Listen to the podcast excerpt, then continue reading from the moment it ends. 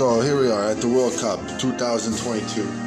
The final draw is just about to happen.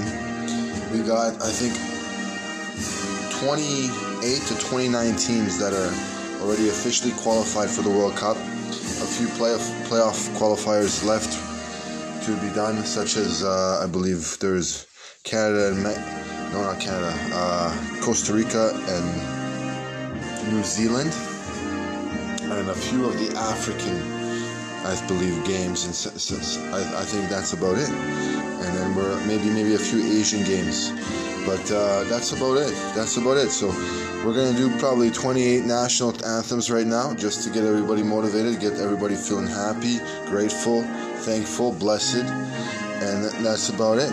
So uh, here we go. Here we go. We already have Canada qualifying, which is great. We have Poland qualifying, and now we have to figure out the next 26, 29 Athens. Here we go.